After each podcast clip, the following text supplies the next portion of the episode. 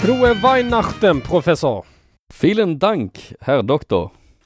Tack! Du, du kan ju det där språket, jag glömmer det varje gång. Ja, Det är Lite extra roligt också att vi varje gång måste tal- tala med din bil på tyska också. För att den inte förstår svenska eller engelska. så är det med importbilar. Ja, så är det väl. Jaha du. Lucka 18. Vad kan dölja sig bakom den? Ja, det är någonting som du ska lista ut.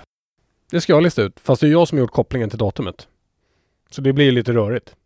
Jaha, så, så du har gjort kopplingen till datumet på min whisky Ja, d- d- ja, det var faktiskt så det fick bli. utan att veta vad det är. Ja, det behövdes inte.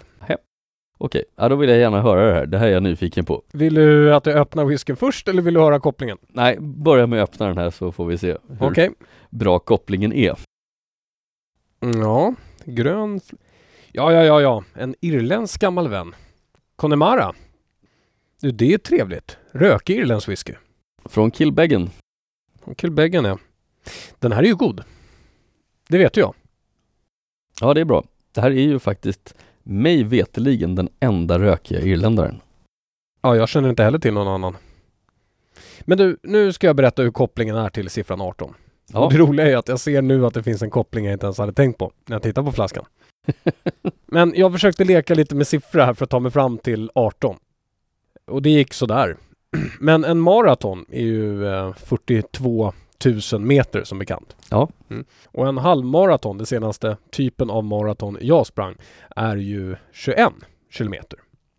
Men eftersom jag sprang fel efter cirka två timmar så var jag tvungen att kliva av vid 18 kilometer. För att jag både hade muskelbristning och hade sprungit helt fel. Så där kom vi till siffran 18. Men eh, nu till det roliga då, då, det är ju att den heter ju Connemara och man säger ju Mara om maraton. Okej, jag tror du just precis tog rekordet i kopplingar som inte har med whiskyn att göra. Nej, det var ju bra att jag fick till någonting där på slutet i alla fall. Ja, men eh, vi måste ju prova den här. Det här Ja. är ju ändå en rökig irländare och det hör ju inte till vanligheterna. Nej, Jag röker i den. det är den. Lite gummiaktig. Mm. Gummi. Bränt gummi.